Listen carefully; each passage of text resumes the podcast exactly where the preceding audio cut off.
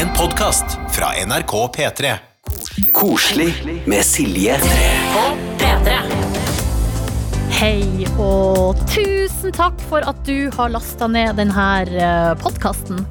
Silje Nordnes er mitt navn, og med meg har jeg altså Jakob Du hadde så mange navn, Jakob. Du må dra oss gjennom det. Ja, du, jeg har veldig mange navn. Det er Jakob Vetle Midjo Naustdal. Så det er altså to typer fornavn, og så er det ett fra hver forelder. Du har fått en ny jobb, og det er å lage koselig i lag med meg denne høsten. Ja, jeg er ganske privilegert sånn sett. Og eh, da vil jeg gjerne at jeg og de som hører på lasta ned podkasten, skal bli bitte litt bedre kjent med deg. Så må du bare dra gjennom litt sånn kjapt. Hvem er du? Ja, eh, jeg heter Jakob, har mange navn. Kommer fra Trofors, helt sør i Nordland fylke. Eh, der er dessverre ikke den største kultureksporten til Trofors enn så lenge. Nei, for de har et eh, tvillingpar som er, det er vel nesten Norges største kjendiser, bortsett fra kongen, liksom. Ja, de er ganske enorme, altså. Ja. Sånn har det blitt. Det er da Markus og Martinus. Eh, og så er det òg eh, Per Joar Hansen, som er assistenttrener for det norske landslaget. Er også fra Ja. Trofors. Han har ikke jeg hørt om, Nei, så sant. han er ikke så kjent. Men sånn totalt sett så tror jeg er sånn fjerde-femte største kjendisfaktor, kanskje. Enn så lenge. Men hvem er nå du, da? Altså, bortsett fra at du er fra Trofors. Ja, nei, eh, jeg er 24 år, eh, har studert i seks av de, diverse ting. Nå er jeg ferdig og skal arbeide. Eh, jeg, er veldig glad i Freia fruktnøtt rett fra kjøleskapet. Jeg prøver å være så snill jeg kan. Veldig glad i quiz. 93 kilo på strømpelesten. Ja, Og liker sport. jeg er veldig glad i sport. Det er Hva, hva er det du liker igjen? Jeg liker fotball. Jeg liker amerikansk fotball. Jeg liker snooker. Blitt veldig glad i snooker. Og det er en ganske rar greie, Fordi før jeg ble glad i snooker, så tenkte jeg snooker, det er så teit. Ja, for det er Det sånn biljardgreier. Det er sånn, De har fancyfisert biljard og bare gjort det mye vanskeligere enn det trenger å være. Men det er veldig spennende. Ok, det, Da har vi altså fått en egen snooker-ekspert her i Koselig, og det er vi veldig, veldig glad for. Koselig på P3. Og nå skal vi, eh, Jakob, det var veldig bra at vi ble litt bedre kjent med deg, men nå skal vi videre til det det handler om her, som er nemlig det at vi oppsummerer uka med fokus på det positive. Og jeg og du har jo da, vi følger med på nyhetsbildet gjennom hele uka, og så eh, formidler vi det videre, sånn at du som hører på, ja, du kan få et litt sånn mer optimistisk eh, syn på hvordan det nå egentlig står til her i verden. Ja, vi gjør den på en måte tunge sorteringsjobben. Eh, Og filtrere vekk alt som er negativt, alt som er kjipt, alt som er problematisk. Og så sitter vi igjen med kun hyggelige, hyggelige ting. Ja, så da kan jeg, eh, Vi har begge litt med oss her nå, men jeg kan bare kjøre i gang med de tingene jeg har funnet. Ja, Um, på tirsdag, eh, fra og med nå uh, tirs... Å, herregud, må jeg sjekke hvilken dato det var, da. Bare så vi har det på det rene. Tirsdag, altså 1. september. Det er jo naturlig, det, for det er en lovendring som er gjort, Ja. eller som har tredd i kraft. første I- måneden. Nord-Irland har det altså nå blitt eh, lov å inngå likekjønna ekteskap religiøst. Religiøst. Ja, fordi eh, de innførte lovendring ved årsskiftet i år. Altså i januar ble det lov å gifte seg eh, altså med en av person av samme kjønn. Men da var det ikke med altså kirka og andre trossamfunn. Nettopp. Men fra og med altså 1. september så har det blitt lovlig i eh, Nord-Irland. Eh, og det tenker jeg er en veldig god nyhet. Det er en seier for menneskeheten, Ja. du meg. Åpenhet, eh, mangfold, og at kjær kjær- kjærlighet er kjærlighet. Ja. Gratulerer til Nord-Irland. Og så skal vi nordover til der du kommer ifra. Ja, Helgeland. ikke sant? Der har de holdt på å Så de driver og pusser opp eh, E6-en, altså Europavei 6. Og eh, denne eh, uka, altså uke 36, kom nyheten om at en veistubb der har de blitt ferdig med oppgraderinga av ett år før tida. Det, det er faktisk helt vilt. Ja, det er jo helt vilt. Det er helt vilt. Og så er det noe greier der med at det er ei mil av den veien som fortsatt mangler finansiering. Altså, men det fokuserer ikke vi på her. Det er ikke nøye. Det ikke jeg nøye. tenker er det største med denne saken, er at et statlig eh, prosjekt blir ferdig ett år før tida. Det tror jeg aldri jeg har hørt om før. Nei, det er ikke hver gang, altså. Det er, de har rett og slett jobba på eh, spreng der oppe. Og jeg kan jo si, jeg har jo eh, kjørt på de Jeg har jo ikke lappene, da, så ikke personlig. Men jeg har sittet på biler som har kjørt på den veien eh, massevis av ganger opp igjennom. Så det trengs, det trengs en oppgradering der, altså. Ok, Veldig bra. Ja. Et par eh, småting. Northug kjørte ikke i ruspåvirka tilstand likevel, har vi fått beskjed om. Og det um, syns nå jeg var litt, litt godt å høre, egentlig. Ja, det er godt å høre. Det er Ja. bra. Mye der man kan ta tak i når det gjelder Northug. Men, uh, men jeg tenker at, uh, at det var nå ennå godt at ikke han kjørte i ruspåvirka tilstand. Uh, Så har vi Carol Baskin, denne dama som blir beskyldt for å ha drept sin egen mann og fôret han til, eh, til kattedyr. Hun ble kjent eh, gjennom eh, realityserien Tiger King, som var liksom den store lockdown-serien. Absolutt. Ikke bare i Norge, men også i hele verden. Ja, den var Den liksom Åh, hva er ordet jeg leter etter? Den gikk forbi alle landegrensene. Ja, og jeg syns det var litt sånn nydelig, fordi at uh, all den tid uh, verden er jo veldig stor, så er det noe med å ha noe som binder oss sammen. Det er akkurat det. Du kan sitte og se på det, og så tenker du Vet du hva, akkurat nå så sitter noen i Botswana, det sitter noen i Argentina, det sitter noen i Laos og ser på akkurat den samme serien. Ja, det er deilig å tenke på. Uh, men, og Carol Baskin har altså nå blitt såpass stor kjendis at hun skal være med på amerikanske Skal vi danse! Det er så gøy! Det er så gøy. Nå 2020, nå begynner det å ta seg opp her. Ja, virkelig. Og apropos Skal vi danse, så er jo altså den norske sesongen i gang. Det var premiere på lørdag, og Birgit Skarstein eh, er med. Hun sitter i rullestol, og i forkant av eh, premieren så fikk hun eh, stygge kommentarer på eh, sosiale medier om at det var ikke mulig at en person i rullestol skal kunne være med på et danseprogram.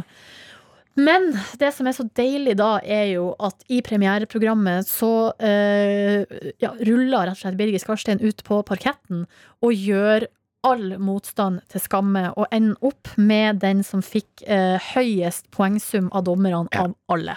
Der har du den igjen. Ja, det er så deilig. Det er så deilig. Rett i trynet på haterne. Ja. Og Birgit Skarstein er så kul.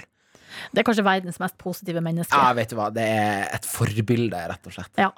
Og så har du kommet over en nyhet eh, fra Finland. Ja, absolutt. Det er ikke sånn at jeg følger meg i alle de finske nettavisene, men jeg har nå eh, øret til bakken på en eller to. Eh, og i den finske byen Lahti, som ligger en times togtur nord for Helsinki, som er hovedstaden, Det er der de går på ski. der går de på ski i Lahti. Eh, og, der, eh, og det er jo veldig bra for miljøet å gå på ski. Eh, så eh, bymyndighetene i Lahti har rett og slett lagd en app som eh, innbyggerne i Lahti kan laste ned, og så kan man eh, holde styr på karbonutslippet sitt. Fordi man legger inn hvordan man frakter seg sjøl og andre rundt om i byen. Og så, hvis man greier å få karbonutslippet sitt ned, så får man altså gavekort av bymyndighetene lagt i Altså, så deilig. Og hva kan man bruke gavekortet på? Du, man kan bruke de på kollektivbilletter, man kan bruke de på eh, billetter til svømmehallen og eh, sportshaller og sånn, og så kan man bruke de på kaffe og kake. Som jeg hadde gjort. Og jeg syns det er så fint. Altså Her har de jo tatt den her eh, gull, altså gulrotmetoden til allers ytterste nivå, da. Ja, de har det, fordi pisk er sikkert effektivt en gang iblant, men gulrot er så mye hyggeligere. Ja, for her, Det har vært en stor debatt i Norge, det her med skam. da Ja. At uh, skam blir brukt for å få folk til å opptre mer uh, klimavennlig. Ja. Uh, og, og mange er uenig i det, at om det funka eller ikke. Og så har du jo da du har pisk, du har skremsels. Eh, eh, metoden, ja. og så har du da eh, skam-metoden. Men her i Finland har mulig de bruker de tre andre, men i hvert fall i Lahti har de gått for eh, belønning. De har gått for gulrotkake. Jeg liker det. eh, jeg liker det. Det er, det, er i hvert fall De gjør nå i hvert fall noe. Ja, det skal, de, sant, de prøver. Ja. Og det ser ut, de preliminære rapportene, så funker det ganske bra. Ok, Det var et lite nyhetssveip fra uka. Nå skal vi videre til eh, altså den årstida vi vi er inne i. September er i gang. Og det betyr at eh, eh, ja, er, det, er det den koseligste årstida? Er Høsten. For meg er det den koseligste årstida, absolutt. Hva er det du syns er så fint med høsten? Eh, jeg syns det er deilig at det blir kaldere og klarere i lufta. Jeg har bursdag. Når er bursdagen din? Eh, 22. september. Ok, da har vi litt tid igjen. Vi har litt tid igjen. Eh, jeg er veldig glad i å gå på tur når liksom løvet begynner å falle, og man kan kle seg litt godt, og man kan drikke kakao, og man kan sitte inne og lese en bok med god samvittighet. Åh, ja, for det er noe med det. Det er det der med at eh, man ikke kjenner på den der eh, For jeg jager etter Mm. å komme ut alltid. Ja. En annen ting som hører høsten til, det er eh, sopp. Det er det. Vi har snakka med en kar som heter Tommy Østhagen. Han er kokk. Han er råvareleverandør til altså blant annet Maemo, som er da den mest fancy restauranten i Norge. Eh, og han har skrevet bok. Eh, 'Spis sopp. 200 sopper du må smake før du dør'. Og eh, altså han, er, han er jo en ekspert på sopp, rett og slett. Så at når vi nå da går inn i høsten, eh, la oss lære mer om eh, sopp, om sopp med soppentusiast og soppkontrollør Tommy Østhagen. Koselig på P3. Du, altså Soppentusiast og soppkontrollør. Eh, soppkontrollør, hvordan blir man det? Nei, da må man gå eh, kursing og undervisning. eh, Sopp- og nyttevekstforbundet har det. Så da må du gå gjennom eh, en god del undervisning, og så må du bestå en eh, eksamen. Hvor vanskelig er det her, da? Nei, det er i hvert fall strykprosent på 50, tror jeg. Og det er virkelig folk som virkelig vil. Og du, du kan ikke ha en dårlig karakter, på en måte. Du må virkelig kunne det. Ja, for hva er faren hvis man ikke Hvis man gjør feil? Nei, da er det Det er helt fatalt. Da, da kan du dø. Ja? For det er ikke, så hygg, det er ikke så hyggelig, og jeg tror kanskje det er det som er grunnen til at noen syns at det å plukke sopp er litt uh, skummelt, rett og slett. Men altså, hvis man uh, er helt fersk, da, ikke har gjort det før, hvor, uh, hvor begynner man? Da plukker du de du har sett med kurv fra før. Snakk med de, bli med de på tur. Ja, ok. Hvis du skal gå helt på egen hånd, så er det jo en soppbok. Og så har det kommet er det masse sånne soppkontroller. Men kanskje det smarteste som har kommet nå de siste årene, er en sånn soppapp. Ja. Og det høres litt sånn rart ut, men da tar man bilde av soppen, og så sender man inn. Og så sitter det soppkontrollører som meg og svarer på de bildene vi får. Ja, riktig. For så, jeg var i skogen forrige uke, og da uh, sku, var, var jeg med ei venninne. Hun har plukka sopp før, da. Så hun, uh, og så fant vi noe kantarell. Og så sa hun nå kan du gå ut og se om du finner noe mer. Og så fant jeg noen sopper, og så tok jeg jo på dem. Og så viser jeg de til henne, og så sier hun sånn Åh.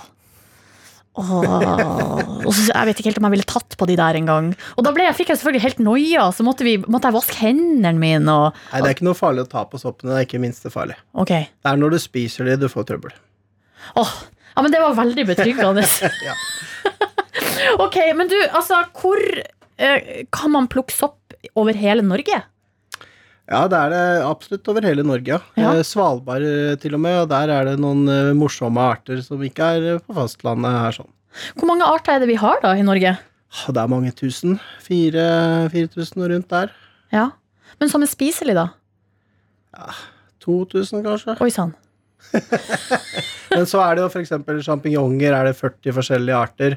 Og så driver de og utreder nå, da, sånn at eh, med sånn DNA og sånn. Så det er ting du ikke klarer å se helt forskjell på med øyet, så må du inn i laboratoriet og DNA-teste. Men da blir det veldig nerdete, da. Ja, Det høres ikke ut som en sånn nybegynnergreie. Men du, du har med deg masse forskjellig her. Ja, jeg En har tatt med, tatt med noen. Eh, Du har fått en veldig morsom eh, sopp. Det Ja. heter gullgaffel. Altså Jeg har fått rett og slett en slags mosedott, og ut av dotten så vokser det da en sånn Altså Med det blotte øyet ser det nesten ut som noe som vokser i havet. Altså sånne ja, det ser alger ut som koraller. eh, Ja. Veldig vakker eh, sopp, og ungene lærer seg den der med en gang. Gullgaffel. Den ser jo ut som en gullgaffel òg. Ja, det gjør jo det. Og det er på en måte ikke helt sånn vanlig å lage mat av, men eh, den holder fargen og fasongen veldig fint. Og helt nydelig å putte oppi Kan jeg smake på den? Ja, jo, du kan smake på den. Den smaker veldig lite, men uh, den er egentlig best når uh, Stort sett skal, skal det meste av sopp varmebehandles, man sier det. Ok, Men det er ikke farlig? Nei, en liten bit går veldig fint. en liten bit, men ikke, jeg ville ikke spist hele, Silje. Men hva er det Jakob har fått der borte, da? Uh, han har fått to spiselige fluesopper, Sant, og da med en gang så tenker jo jeg unnskyld. Ja. Spiselige fluesopper. men de skal han ikke smake på rå. For Nei. de trenger en varmebehandling først. De må ha en 10-15 minutter i stekepanna eller kjelen. Ok, okay. Det var bra at jeg ikke spiste på forhånd, da. Men du, hvis Ja. du, ville, hvis du ville valg, hvis skulle valgt en sopp, hva ville du valgt? Én sopp, liksom. Som Den, jeg skal spise. den beste. Ja, steinsoppen er veldig god. Og gråmusserong er nydelig. Hvor finner man steinsopp? Eh, I Nord-Norge akkurat nå, for nå har det vært litt fin sommer, og så har det begynt å regne. Okay. Og da kommer steinsoppen. Det er liksom gode vekstvilkår at det er pent først, og så blir det fuktig. Ja, Det er veldig bra for steinsoppen, men han må ha skog. Han må enten ha gran eller furuskog. Uten det så blir det ingen sopp. Men du, altså, du er jo en matfyr, og du leverer til og med sopp til uh, Maemo. Mhm. Men fleinsopp, det er jo noe annet igjen. Hva kan du om det? Nei, det kan jeg veldig lite om, annet enn at jeg har sett den. Jeg syns rom og whisky er godt. Jeg trenger ikke å prøve den. Gjærsopp funker utmerket. Ok, Koselig på P3.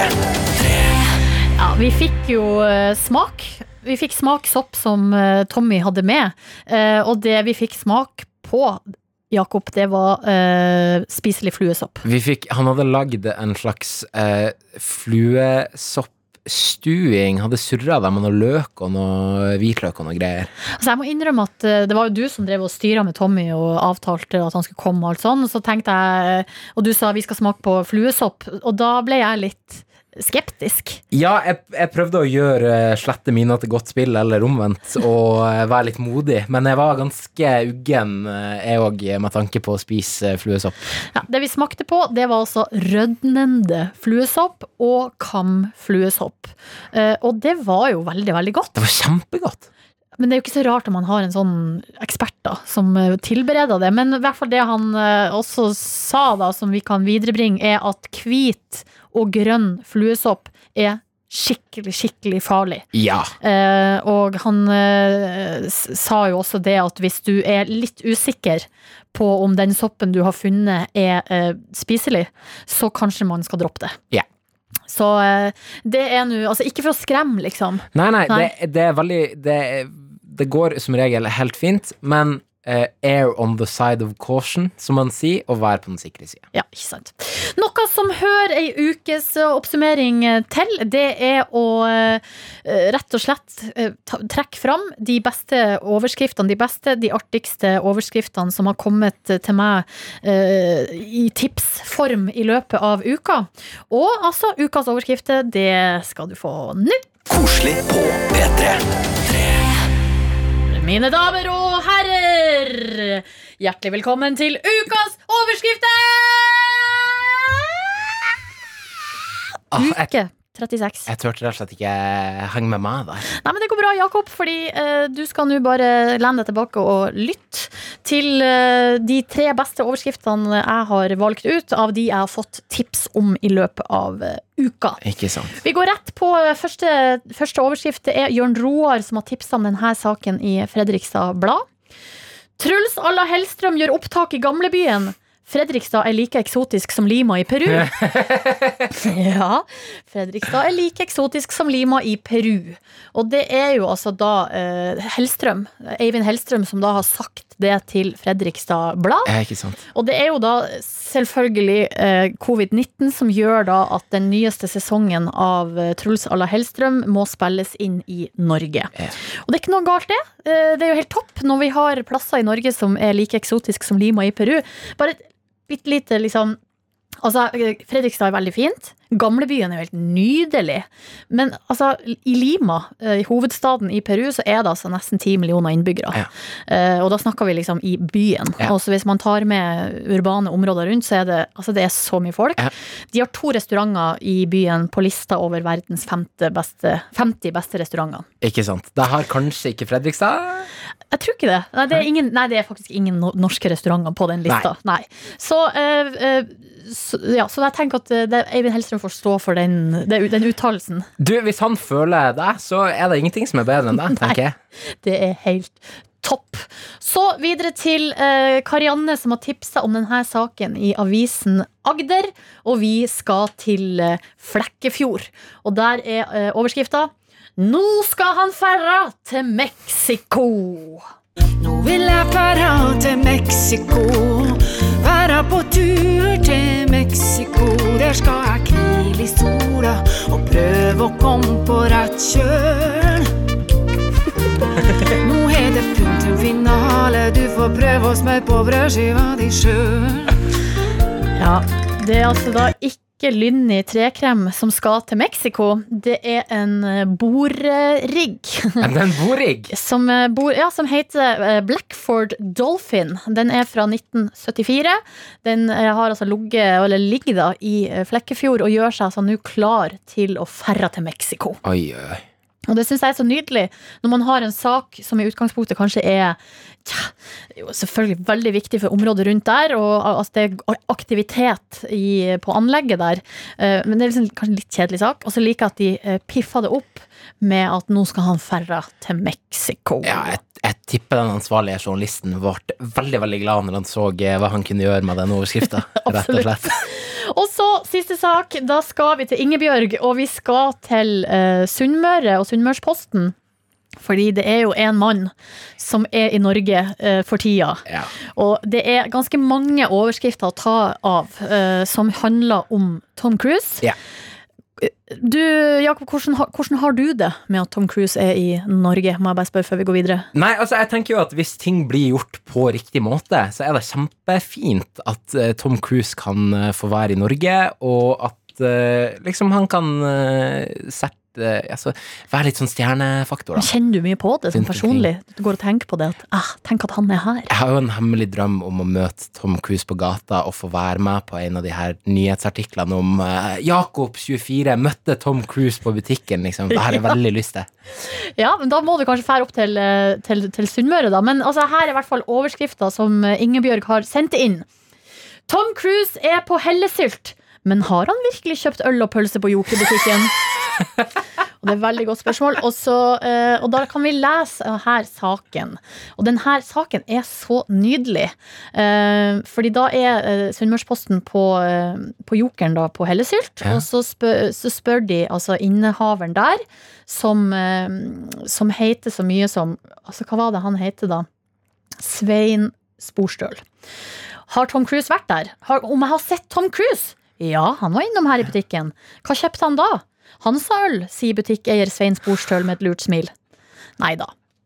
Nei, Han har ikke vært der. Han har ikke vært der? Nei, nei, så det var på en måte bare en Det var liksom en spøk. Det var en, en spøk hæ?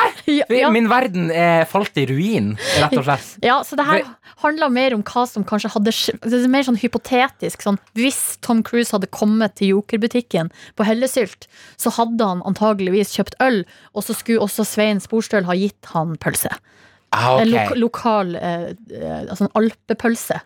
Liksom. For Ja. jeg, jeg, begynte å, jeg begynte å lure på om liksom butikkinnehavere har taushetsplikt på hva kundene kjøper og ikke kjøper. De har kanskje egentlig det. Burde de kanskje hatt det, iallfall. Ja, mulig det. Men eh, det er litt sånn komisk her, fordi at han her Svein Sporstøl, han, eh, han innrømmer jo også at han har ikke, har ikke så veldig forhold til Tom Cruise okay, fra før av. Han bare leste om Tom Cruise. Å ja, han er i fylket. Ok, hvem er det her for noen, da? Det googler vi syns han. jeg er så nydelig. Ja, det Han, sier, han kviskrer til oss at han hadde ikke hørt om Tom Cruise før, men denne nye filmen, den skal han se.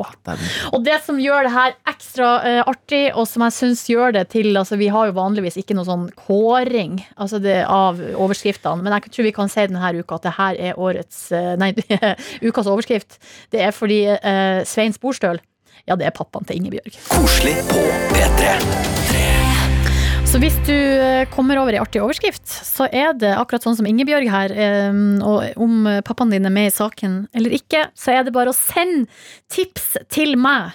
Silje.nordnes.krøllalfa.nrk.no. Det er greit, det? Det skulle være greit, det. Og, men nå, så- må du bare rydde altså, øh, ja, For å rydde litt opp, da, så er jo det altså, Overskriftene de sender du direkte til meg, fordi det er jeg som holder på med det. Men vi har også en mailadresse som er koselig, krøllalfa, nrk.no, der du kan sende mer generelle henvendelser som ikke handler om overskriftene nødvendigvis. Og der tenker jeg nå vi bare skal ta en liten oversikt. Ja. Hva som har kommet inn eh, i løpet av uka. Og Vi begynner med en mail her som jeg har fått fra uh, Torgeir Andreassen. Er, altså Det er Torgeir i Tromsø, som noen, uh, hvis noen lyttere har vært med i mange år, fra P3morgen osv., så, videre, så kjenner man kanskje igjen Torgeir. En fyr som eh, Han er veldig opptatt av løping, og er altså den her eh, legendariske fyren som, eh, som var med og sprang halvmaraton med Ronny på et tidspunkt Ja, var med på fest hos Ronny på kvelden, og så fløy han opp til Tromsø dagen etterpå og sprang et nytt halvmaraton. Ja, det er så gjennomsterkt. Ja, det er veldig sterkt, Torgeir, men han har skrevet 'Du, Silje'. Og greia er at det her er egentlig et uh, vi, Altså Her vil Torger ta opp noe som, uh, som skjedde i Koselig forrige uke. Okay. Jeg og Tuva Fellmann hadde besøk av en fyr som heter Henning Lauritzen. Og vi hadde han jo på besøk i forbindelse med at han er da uh, administrerende direktør i en, en organisasjon som heter Eiendom Norge. Så vi snakka med han om rett og slett eiendomsboligmarkedet. Så skriver Torgeir her. Her har eh, her har du besøk av sjølveste 100 Miles-kongen. Altså Norges beste og eneste spørsmålstegn demotivatorcoach. Eh, og så blir det ikke snakk om løping. Jeg er sjokkert. Så skal jeg fortsette, Torgeir her. Hehe. Han godeste Henning Lauritzen er den i Norge som har løpt flest eh, løp på over eh, 100 miles, altså det er 162 pluss kilometer. Og ikke nok med det! Han er speaker på Bislett 24, og det er da visstnok et løp der de driver og sprenger rundt i ring i kjelleren på Bislett i 24 timer. Eh, hvor hovedjobben altså som speaker er å demotivere og bryte ned utøverne. Der spiller han eh, vegansk reggae, feministisk rock og ikke minst Carola med Fremling på repeat i timevis. Ja, han er en legende i løpemiljøet. Det er helt utrolig. Men greia er at, eh, som jeg også skrev, jeg måtte svare Torgeir, altså at vanligvis så bruker jeg jo å google folk som man har på besøk. Yeah. Sjekke ut liksom hvem er det her slags fyr. Men altså for å være helt ærlig, så litt sånn eh, Litt eh, fordomsfullt, så tenkte ikke jeg at han her herren i dress hadde så mye sånn ut, veldig rare, spennende ting som foregår på fritida. Nei, det skjønner jeg veldig godt. Men uansett, Torgeir, tusen takk for denne oppklaringa eh, på mail til oss. Så har vi også fått mail fra eh, Beate. Lang mail, og det her elsker jeg. Kjære, koselige Silje. Også Jakob, da. Men du er ikke med, for at hun visste ikke at du eksisterte da Nei, denne mailen kom. Her kommer en litt lang, men forhåpentligvis veldig koselig mail. For snart to år siden var det to jenter fra Fauske og to fra Drammensområdet som hadde vunnet billetter til den legendariske overnattingsfesten til P3. Spent og nysgjerrig satte de seg på hver sin buss utover til Stokkøya sammen med de andre heldige, men ukjente P3-lytterne.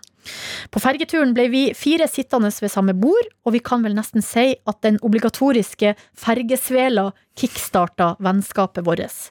Og i løpet av overnattingsturen møttes vi flere ganger og prata smått sammen, utveksla Snap-navn og har holdt kontakten siden.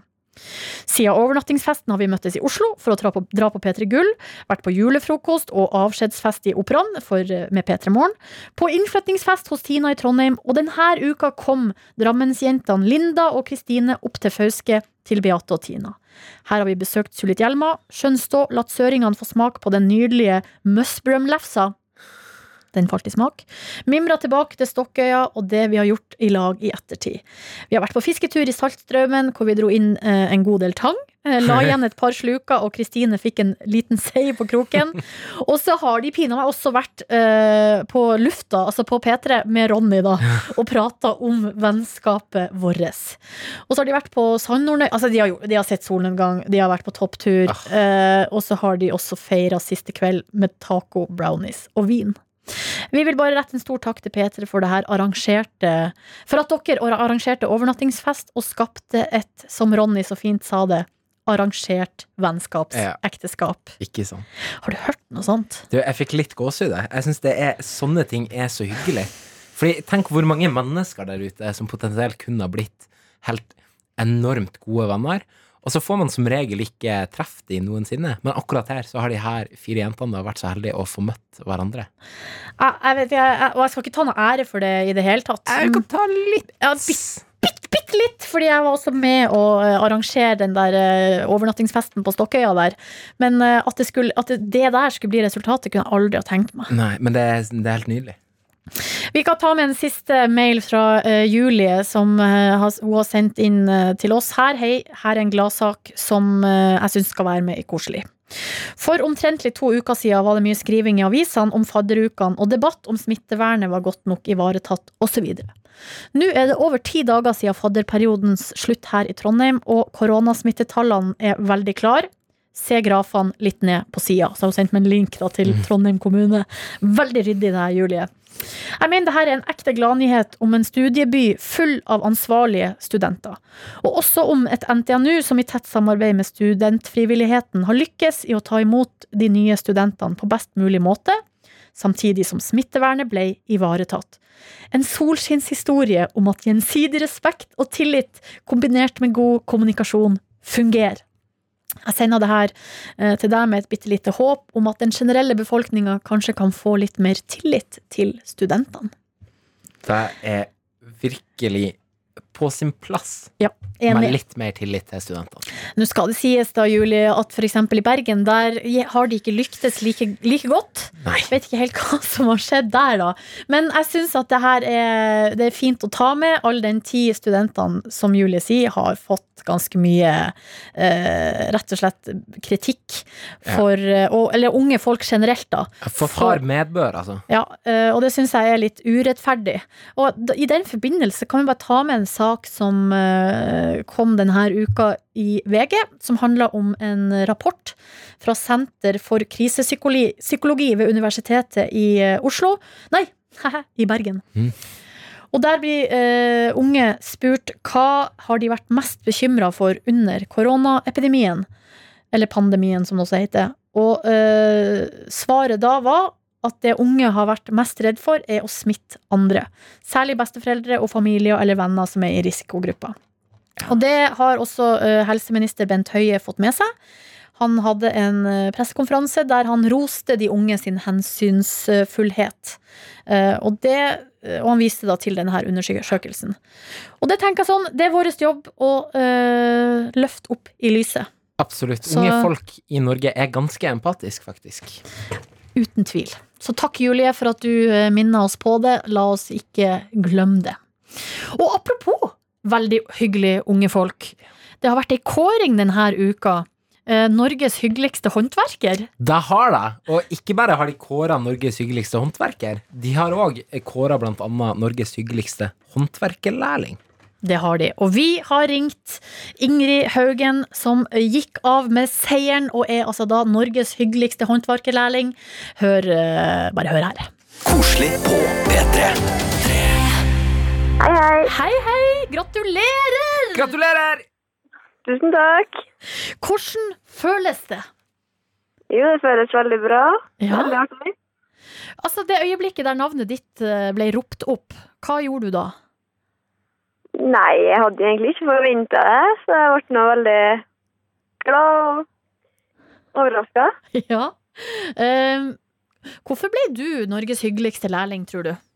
Eh, fordi eh, Jeg tror det er fordi at jeg har fått så mye eh, publisitet og støtte, kanskje fra Sunndalsøra, og mange som har støtta opp om at de har lyst til at jeg skal vinne, og folk som syns at det er trivelig. og ja. Ingrid, du, du må jo være ganske hyggelig òg. Ja, jeg er nå det, da. Det er lov å si. Ja, altså, Ja. hvor, hvor hyggelig er du egentlig? Hva svarer han på det? Uh, nei. Over gjennomsnittet? Over gjennomsnittet. Men jeg, blir så, Ja. jeg er så nysgjerrig på hva, hva det innebærer. Altså, hva er det du gjør? Har du med deg kake på jobben? Nei, jeg vet ikke. Spillmål, eller Ja. Jeg kan jo si fra å være sur, ja, men eh, Nei, det er at jeg starter dagen med et smil og være grei med alle. Start dagen med et smil. Apropos det, jeg har alltid lurt på dere håndverkere. Du som er liksom litt, altså du er jo ny i, i yrket, du altså du er elektriker. Hvorfor begynner håndverkere alltid dagen så tidlig?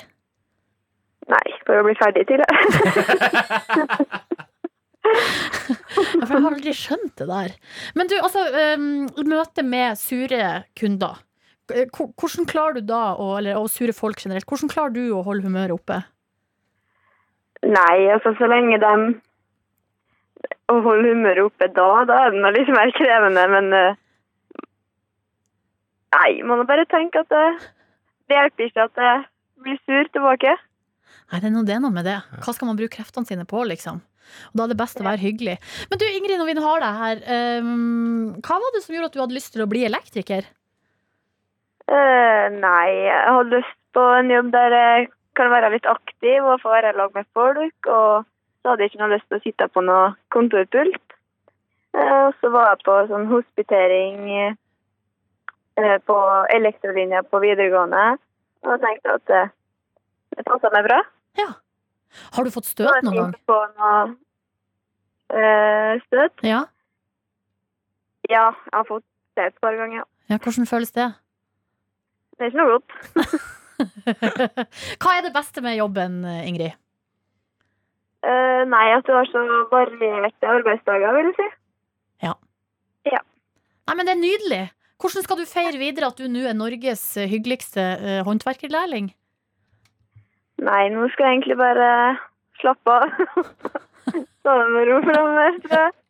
Ja, jeg har ikke noe Nei, store planer. Men du vet nå at nå når du har denne tittelen, så kan du på en måte ikke være noe annet enn hyggelig framover. Nei, det er jo det som er baksida. Eh, Nei da, det skal, skal jeg klare godt, ja. Ja, nei, det er godt å høre. Koselig på P3. Fra Norges hyggeligste eh, håndverkerlærling over til noe helt annet, Jakob. Ja, eh, kanskje Norges hyggeligste amatørbarista. Er det du, det? Det er kanskje meg, det. Ja, fordi eh, siden høsten er i gang, altså vi feirer da vår første sending eh, inn, inne i september og inne i høsten, så eh, i den forbindelse så ba jeg deg om å lage pumpkin spice latte. Og det, og, og, og, og egentlig også vise om det går an å lage det hjemme. Fordi at eh, det er jo sånn som man kan kjøpe på eksempel eh, Starbucks eller andre sånne kaffebarer. Absolutt. Men det er jo ikke alle som har det rett rundt hjørnet for seg sjøl. Det er det ikke. Men pumpkin, altså hva, hva har du funnet ut når du har begitt deg ut på denne oppgaven? Du, jeg har altså funnet ut noe veldig veldig fascinerende om eh, pumpkin spice. Og det er at det inneholder ikke pumpkin. Hva du sier Jeg sier at det inneholder ikke pumpkin. Det er bare spice. Så pumpkin spice latte inneholder ikke gresskar? Nei. Det, du kan ha gresskar, men da blir det på sida av selve pumpkin spice. Ok, men pumpkin spice, hva er det da? Pumpkin spice det er en blanding av mest kanel, og så litt nellik, litt malt ingefær og litt malt eh, muskat. Ok, Og det er egentlig det. Jøss. Og det er ganske sykt. Og grunnen, eh, men det, det er det den her lille boksen som du har her? Ja, den lille boksen der er blanda hjemme. Du åpner den nå og lukter. Du kjenner det lukter virkelig Hmm, det lukter ganske sterkt. Men ganske det lukter sterkt. godt. Ja, det skal det jo gjøre. Lukter kanskje mest nellik. Ja, du Når jeg- kjenner nelliken, for det, det er mye mer kanel enn av de andre. Mm. Men det er jo kanskje grunnen. Det ser jo ut som kanel, men når man lukter på det, så kjenner man at her er det altså mye mer eh, godsaker. Der er det mye mer eh, godsaker. Og, og grunnen til at det heter pumpkin spice, det er ganske eh, spennende, fordi eh, det kom altså ut ei kokebok i det herrens år 1796 som heter American Cookery av Amelia Simmons. Eh, og i den kokeboka, som da altså ble gitt ut på typ 20-årsdagen til De forente amerikanske stater, så eh, finner man ei oppskrift på pumpkin pie, der denne krydderblandinga er, som skal liksom gi smaken til røra. Og, og, og siden da har det vært smaken av høst, da. Ja, rett og slett. Og kanskje mest i USA, men siden vi nå er en slags eh, offer for eh, amerikansk kulturimperialisme, så sitter vi her nå, og, og så blir det Og det her er høst for oss Det der er høst for oss òg. Sånn Ja. har det rett og slett blitt. Ja. Eh, og det er jeg ikke Det er jeg ikke med imot. Nei, det er jo veldig godt. Det er det. Så jeg eh, skal jo da nå lage eh, hjemmelaga pumpkin eh, spice lattes. Hvordan gjør man det? Du, det man gjør da, er at man eh, har noe kaffe, gjerne litt sterk kaffe. I vårt tilfelle to doble espressoer. Ok. Og så skal man stime litt melk. Eller Heter det stim, eller er det skum? Det er skummemelk. Det du, har- du har du så lyst til å si stim, du. Jeg har det. Jeg prøver. Det er bra du arresterer meg. Vi skal skumme litt melk. Men det er rett og slett bare å varme opp melka, og så piske den. Eh, Men du, vi har jo fått tak i en sånn eh, melkeskummermaskin som gjør det for oss. Som eh, en veldig hyggelig kollega her på jobben har lånt oss. Det, altså det var kanskje den koseligste mailen eh, man kan sende ut. Fellesmail. Hei, er det noen som har melkeskummer? Det er ikke det dummeste å gjøre det. Altså. Nei. Og så putta du bare melk oppi der.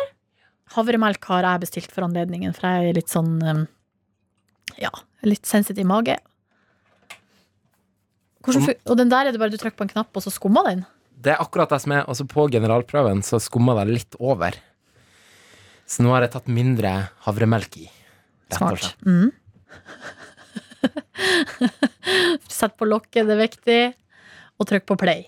Du er jo en fun fact-fyr. Er det noe mer du har lyst til å dele mens eh, melka skummes? Ja, jeg ble altså så eh, inni hampen fascinert av denne kokeboka som eh, denne pumpkin spice-blandinga eh, først ble nevnt i. Eh, for det viser seg at eh, i denne kokeboka så er det første gang noen har funnet på og hatt cranberry sammen med kalkun. Altså tranebær sammen med kalkun.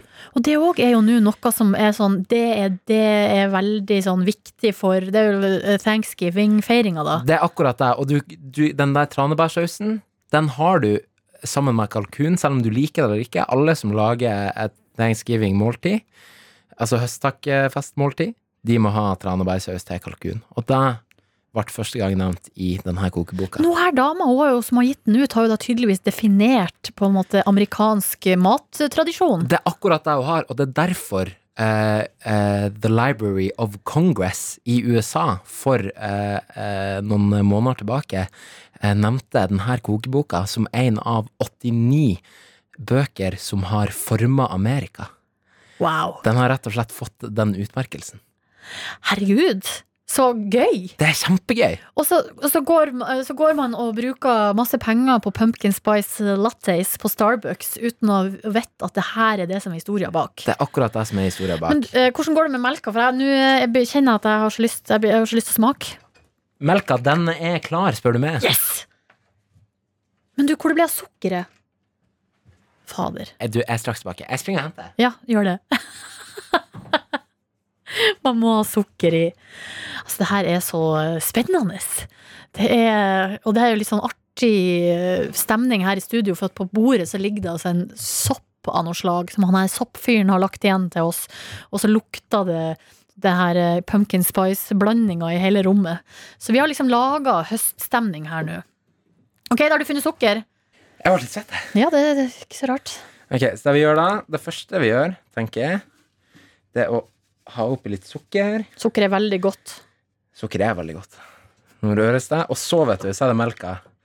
Så jeg må liksom motstå fristelsen til å prøve å lage sånne sånn fancy sånn barista-mønster. Ja, sånn hjerte, liksom. Ja, Men hvis du åpner lokket, kommer det ikke litt skum med, da? Det har vært deilig med skum Der, ja. du skal få litt skum. Du skal få litt skum, Silje. Vet ikke om det er lov å si. Det er kanskje ikke lov å si. Og vi går på nummer to. Den her er din, så du får mest skum. Nice. Da blir du glad, vet du. Ja. Der. Og så den her krydderblandinga som du har laga i en sånn, du har det i en liten sånn plastboks. Det bare drysser du over, da, eller? Ja. Du bare drysser over så mye som du vil ha, egentlig. Ta ganske mye, tror jeg. Jeg tar ganske mye, det er greit. Ok, Du har jo muligheten til å si stopp her. stopp, da. Ok. Og så smaker vi. Da Jeg er litt spent, kjenner jeg. Ja. Ok. Du kan røre litt. eh, Rør litt selv. Foretrukken mengde røring.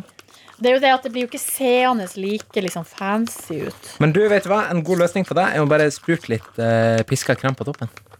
Mm. Så har du rett og slett løst det. Ok, da smaker vi. Da smaker vi. At du går med skeia først? Ja, begynner vi å Ja, altså jeg merker at, at med en, Umiddelbart så er det Det er noe med blandingsforholdene her som kan perfeksjoneres. mm. Men, men her er vi inne på noe. Vi er inne på noe. Og Rom ble ikke bygd på en dag, vet du. Mm. Ja. Det her er ikke, det her er ikke så verst, altså. Nei, det er dødsgodt. Mm. Ja, det er faktisk det, altså. Og det her er jo, aldri, Før i dag har jeg aldri smakt pumpkin spice latte eller pumpkin spice i det hele tatt. Så vidt meg bekjent. Har du hatt høst noen gang? Nei, det er jo det jeg begynner å lure på, da. Jeg, har jo, jeg sa jo jeg var så glad i høst og sånn, men uh, nå er vi på en måte oppe og nikker på noe som uh, høsten uh, er verdig. Ok, men bare for å oppsummere helt til slutt. Altså pumpkin spice eh, latte. Den eh, krydderblandinga er kanel, ingefær, nellik og muskat. Ja. Og det her kan man, regner jeg med, bare google, og så finner man ut hvordan man gjør det. Det gjør man. Det er ikke verre enn at du eh, Da finner du blandingsforholdet på de forskjellige krydderne på nettet, og så bare blander du deg i en lufttett boks, og så kan du blande så mye du vil, og så kan du ha det stående. Genialt. Det er ikke dumt. Tusen takk for det her, Jakob. Koselig på P3. Og eh, vi begynner å nærme oss eh, noe her, eh, men vi har én ting igjen i podkasten som eh, skal med. Absolutt. Fordi eh, i all den tid vi driver og oppsummerer uka, eh, med fokus på fine ting som har skjedd, eh, så er det lokalavisene som, som, jeg, som jeg tenker at da må de med på ballen. Fordi det er lokalavisene som er de beste på å formidle positive nyheter, etter mitt skjønn. Og denne uka så tar vi og ringer til eh, Fanaposten, for der har eh, redaktør Ståle Melhus ei fin historie på lager. Koselig på P3. Hva eh, har dere skrevet om denne uka av positiv eh, art som du har lyst til å trekke fram? Ja, Vi har uh, flere saker, men kanskje den som er, uh, er hyggeligst, er jo en uh, sak om en, ni år gammel gutt som heter Isak. Gå litt tilbake, da. Så første saken skrev, skrev jeg om Isak og, og moren i begynnelsen av juli i år.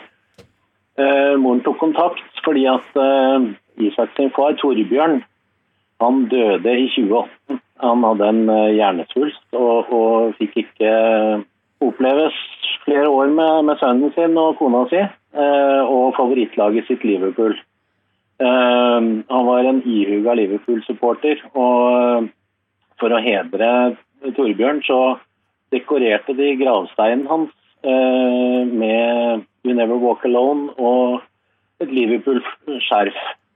Eh, men så i tre ganger så har da noen vært og, og stjålet eh, skjerfet fra gravstedet. Og Isak hadde veldig vanskelig for å forstå hvordan noen kunne gjøre dette. Og, og Vibeke tok kontakt med Fannaposten og lurte på om vi kunne fortelle historien og kanskje få folk til å skjønne at dette her eh, ikke er så greit, da.